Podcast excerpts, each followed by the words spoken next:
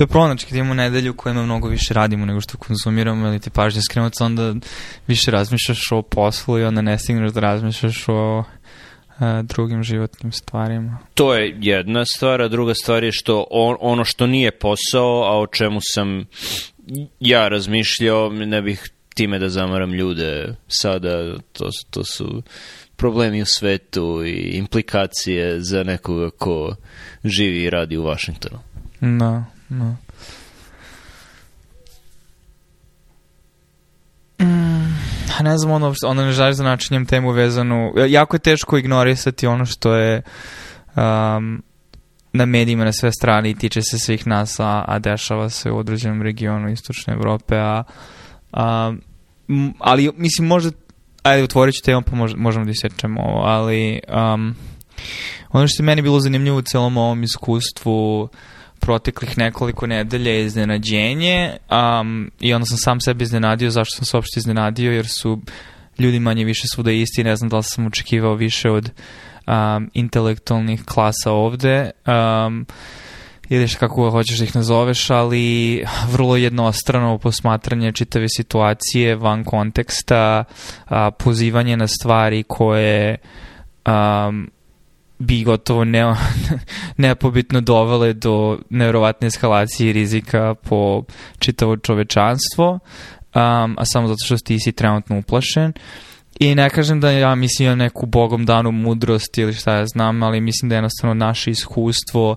znajući kako stvari izgledaju na terenu a, kada, se deša, kada ti se dešavaju sankcije ili kada ti se dešava rat um, me tera da budem mnogo obazriviji po pitanju uh, izjavljivanja određenih stvari ili načina na koji komentarišem situaciju. Tako s jedne strane možda ljudi ovde su žrtve uspeha američke hegemonije a, druge polovine 20. veka, tako da nikada na sebi nisu doživjeli posledice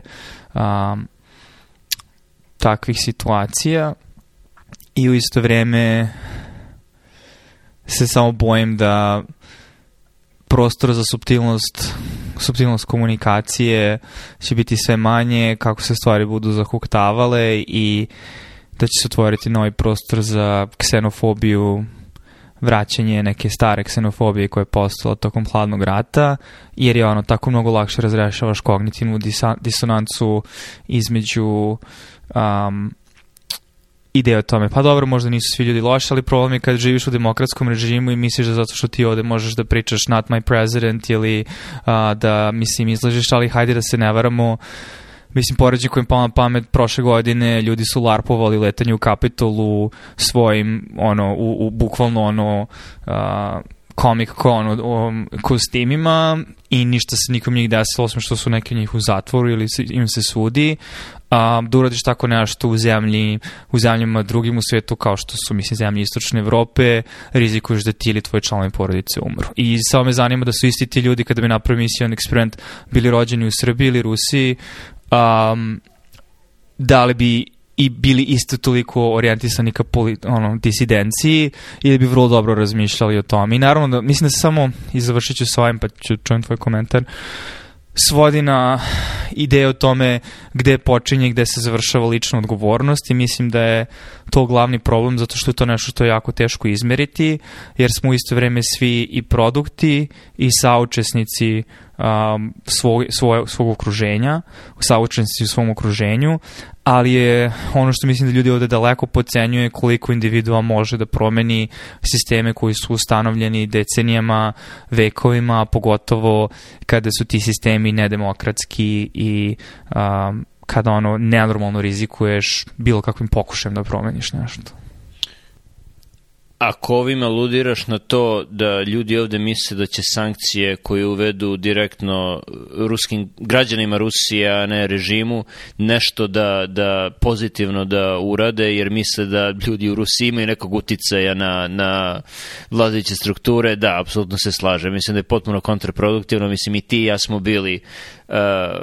meta sankcija 90-ih i apsolutno ako išta, to te učvršće u stavu da je svet protiv tebe i da, da moraš da se, da se uh, izboriš sa tim, a uvek se nađe načina. Rusija je velika zemlja, mogu da se otvore prema istoku, ako ne prema zapadu, i da se otvore prema Kini, istočnoj Aziji, što se tiče trgovine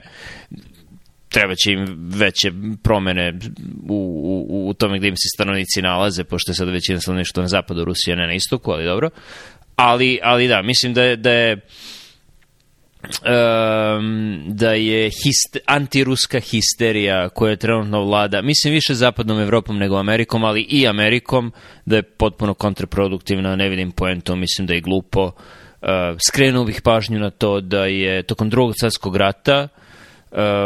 su, tokom drugog svjetskog rata su namerno puštali Beethovena na britanskom radiju za vreme bombardovanja Luftwaffe-a, jer je Beethoven se zalagao za evropsko jedinstvo, mir u svetu i tako dalje, i to su puštali Nemcima u inat. A ovde otkazuju uh, koncerte Čajkovskog zbog čega, tačno.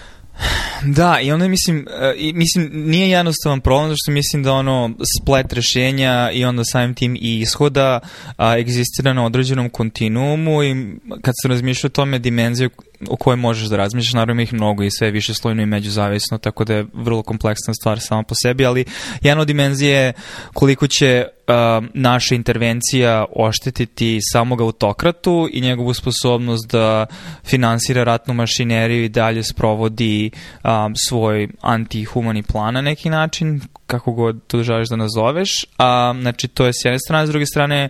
um, koliko će tvoja intervencija uticati na obične građane toj državi. I naravno svaka intervencija samo vuče oba, samo pitanje a, odnosa između ta dva, tako da mislim ono, blokiranjem ruskih banaka, blokiranjem transakcije u određenim valutama, blokiranjem trgovine naftom, verovatno ćeš mnogo više uticati na samu ratnu mašineriju, ali ćeš naravno posljedično uticati i na građane, ali delimično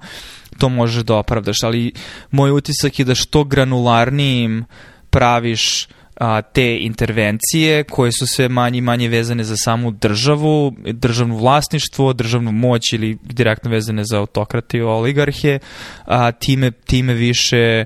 a, utičeš samo na individualne građane dok su ovi ostali zaštićeni svega toga. I mislim, deo svega toga kad mi je drugar posao juče, mislim, Pink Floyd je zabranio svoju muziku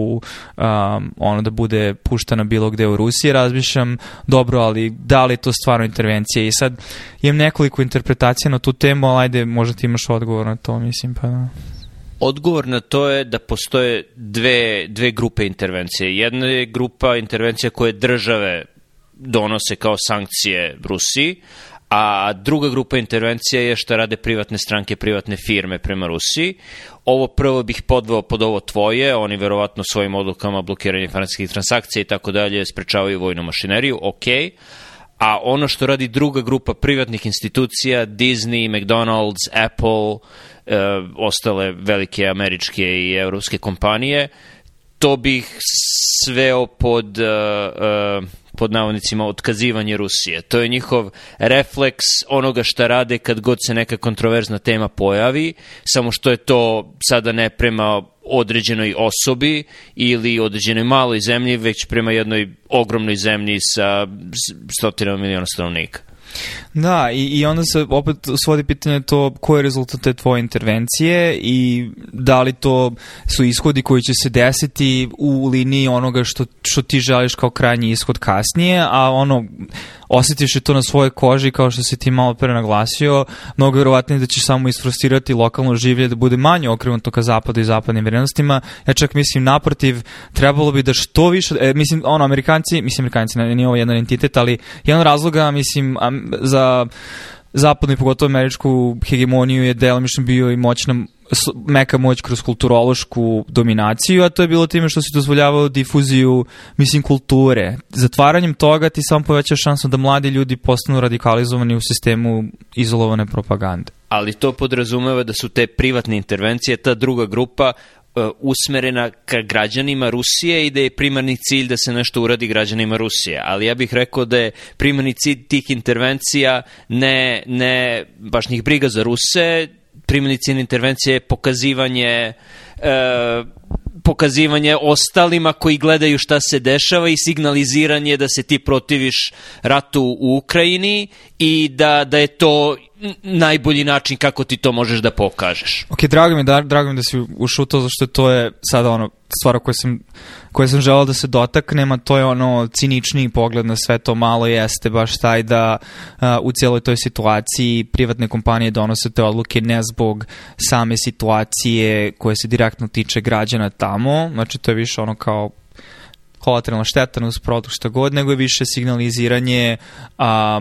mnogo većem i, e, i finansijski mnogo bitnijem privrednom sektoru a, za te kompanije u smislu potrošača koji egzistiraju u zapadnom svetu, zato što su oni ti koji će onda na socijalnim medijima, opet ja mislim vrlo gluvo, ono, tone deaf, um, kritikovati te kompanije za ne, nedostatak investicija, tako da je jedna stvar koju samu sebe hrani, a, ne shvativši time da a, u celoj toj zbrci opet i to ono što, čim, čega se ja malo gnušam, mislim opet da je malo a, obojeno naše iskustvo, mislim naš, obojeno našim iskustvom je to da mislim da greška u razmišljanju koje se pravi je da misliš da si dobar, čestit i, i da zastupaš nešto, u stvari radiš baš one stvari zbog kojih, mislim, postoje terorističke organizacije na Bliskom istoku, zato što, mislim, vrlo, vrlo gluvo uh, se nosiš sa svim tim, jer ono što komuniciraš kroz sve to je da tvoj pogled na svet je vredniji od tuđih pogleda na svet i da uskraćivanjem tih stvari si ti bolji od drugih ljudi moralno ili šta god. I mogu da razumem kompanije koje pod pritiskom javnosti donose um, takve odluke, pogotovo što je jedan nivo razmišljanja samo pa svi rade nešto, hajdemo i svi mi. Mislim da je veliki deo razloga zašto se to dešava to, um, jer onda ćeš, ako ne budeš jako lako na socijalnim medijima gde sve akcelerisano, viralno će postati preko noći da si ti jedna od tri te kompanije u određenom sektoru ili kompanije u određenom sektoru koja nije to radili i samim tim imaš ono loš PR i samim tim mogu da probaju da te canceluju lokalno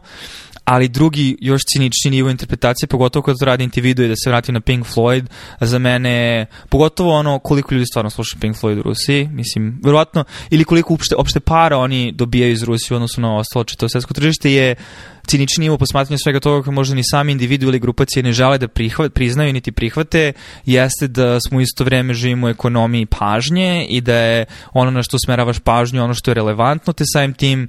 svako dobije svojih dva minuta nekog članka koji će neki novinar da napiše ili neko će da retweetuje kako su ovi cancel i eto band koji, za koji ni, niko od dece nije čuo pre, no, niko mlađi od 25 godina nikad nije slušao, će možda sad da ga sluša zato što su oni eto woke, mislim ono socijalno progresivni šta gore. Mislim. Da sam antropolog, a nisam, bilo bi zanimljivo uraditi studiju gde staviš u jednu kolonu uh, firme, organizacije, grupe koje zavise direktno od pojedinaca, od pažnje ljudi koji su brendovi, koji zavise od, od konzumera, pod Potrošača. navodnicima, od potrošača koji im direktno daju novac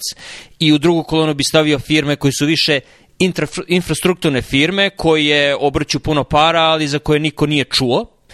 i da vidim koji je njihov stav prema Rusiji uh, sada. I, ja, da li je Nestle bojkotovao Rusiju u smislu svim svojim proizvodnim kapacitetima? Me, meni na pamet pada još jedna firma koja je najveća privatna firma na svetu za koju vjerojatno niko nije čuo, to je Cargill, koja je bavi se prehrambenom proizvodnjom, ali oni nemaju ni jedan proizvod koji bilo ko kupuje na polici, već oni proizvode sve one sastojke koje vidiš u svim proizvodima svuda u svetu, imaju farme svuda i članak koji sam danas pročitao je da oni smanjuju operacije u Rusiji, a to smanjivanje operacije znači da neće ništa novo počinjati u Rusiji sada, ali sve što sada rade i dalje rade. I mislim da se dotičeš nečega jako bitnog i ovo možda sad zalazim u dome nečega što je potpuno možda irelevantno ili nema nikakvog smisla, ali ono što mi pada na pamet je opet možda ste ja tako, iako nismo antropolozi, možemo da pogledamo tačke, uh, da kako bi preveo saliency na, na srpski? Mislim, sigurno postoji ekvivalent koji... Salientnost. Salientnost. Mislim, ono, jasnost, razumljivost nečega. Uh, direktno, verovatno, korelira sa time koliko ti... Uh, imaš ličnu investiciju u određeni brend i brendovi koji imaju veliku paletu proizvoda koji ulaze u sve od toga da možda sarađuju sa kompanijom koja proizvodi tvoje patike zato što daju delimično naftu za gume u džonovima do toga da možda daju kukuruzne proizvode koji ulaze u sve i svašta. A, tako da ne, nije dovoljno razumljivo ne možda svedeš na jednu stvar. A, te samim tim ali hoću kažem, ti brendovi onda nikada nisu ni mogli da poentiraju na ono direct consumer marketing, znači da marketiraju brand kao takav, uh, tako da je cena toga da budeš nešto što je brand koji se vezuje direktno za individualni, znači lični identitet potrošača, je to da onda u ovakvim situacijama uh, nosiš rizik da ljudi lako mogu da upiru tebe, ili je vrlo razumljivo šta je Apple, šta je Nike, šta je McDonald's, šta je Disney, zato što su ti proizvodi vrlo jasno definisani i termini kojima se služimo u svakodnevnom govoru, te samim tim je to neki rizik i cena toga koje plaći i nekako slutim da je možda ta tvoja hipoteza, da, znači da, da Shell kompanija, ili kompanija znači, koji ono operišu u gomili nekih sektora, ne može da uhvatiš gde sve su u, u, u, svoje prste upitno je koliko su morali da pod pritiskom javnosti sada, a opet kažem, sve to mislim da je suludo zato što generalno neće dovesti do ničega, osim da se ljudi ovde osjećaju malo bolje vezani sebe, zato što i to ono problem što mislim ljudi ovde super što je Amerika geografski izolovana sa geopolitičke strategije, ali sa stanovišta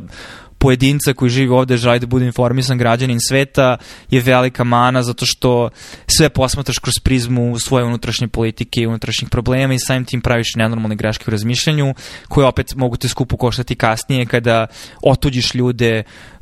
mislim, ono, Amerika je izgrađena na tome da privlači ljude sa svih strana sveta, mislim. E sad, tu otvara se tema jedna sa strane, a to je, pričali smo o krivici odgovornosti, nazovi kako hoćeš, privatnih firmi i organizacija. Da li tu postoji neka odgovornost američke države? Rekao bih da, jer su oni znali da će se ovo desiti mesecima i oni su imali dovoljno vremena, resursa da, kako čitamo u Financial Timesu, pre, ili Washington Postu pre par dana, uh, okupe grupu TikTokera da im objasne, to je Jem Psaki imala sa njima skup gde, gde su hteli da im objasne vi ste jako bitni da širite informacije o ratu, da se borite protiv dezinformacija i tako dalje i tako dalje. Ok, šta god, ali nisu imali vremena da sednu sa vođama Disneya, Apple-a, ostalih velikih firmi, brendovima i da im kažu da razmislite kako će vaše ponašanje uticati na građane u Rusiji. Pa upitne koliko si mogao, zato što ono Google i Apple Pay su otkazali bukvalno roku od tri dana nakon invazije ili tako, znaš, mislim da čak taj vikend bio. Ono, ali, ono. ali kažem, imali su dva meseca, znači zna, pričali su o invaziji da će biti dva meseca. To samo govori o moći američke vlade u određenim sektorima možda, možda je to samo ono nus produkt toga, da, da li ti možeš da narediš ogromnoj internacionalnoj kompaniji koje posluju u svim zemljama sveta na taj neki eksplicitni način i čak i ako možeš, ako to uradiš, kako će to biti interpretirano od strane um, javnosti tvoje političke, znaš, mislim, ja to mogu vidjeti da je to ono, bukvalno ono, government overreach, znaš, ljudi koji su u fazonu, šta ima vlada da cenzuriše poslovanje, to je privatna kompanija, oni imaju svoje pravo da odloče kako će da posluju u stranoj zemlji to nije deo nacionalnog interesa, tako da mi se to možda, mislim, ne kažem, ne, ne pokušavam da opravdam, mm. samo mogu da vidim zašto neko koji možda i razmišlja o tome video kako to može da im se obio glavu. Uh, kao neko koji u poslednjih nekoliko godina čitao uh, istoriju drugog svjetskog rata i šta sve dešavalo između privatnih firmi i američke vlade za vreme drugog svjetskog rata, rekao bih da ako misliš da je to sada takva situacija, možda jeste, ne znam, ali ako je sada takva situacija, onda je Amerika u velikom problemu u onda je Zašto neće moći napravi veliki nacionalni projekat koji može da urodi plodom kao što je bio, pretpostavljam da aludiraš na Manhattan projekat i na ostale stvari. Ne samo Manhattan projekat. Uh, NASA. Mislim. Da, stvaranje bilo kojih velikih bilo kog velikog tehnološkog napretka uh, od 40-ih do 60-ih godina. A o tome Don Luka priča na neki način, možda malo previše karikirali o tome da ekvivalent Apple slash Disney ili ne znam čega već Tesla uh, govori o tome da ne treba kometu srušiti zato što tamo postoje vredni resursi i da treba da pošljamo mi svoje lične privatne a, droide koji će to da... Mislim, go, ne, ne, to je film, nije stvarnost, ali čim postoji, znači da to donekle postoji u svesti ljudi.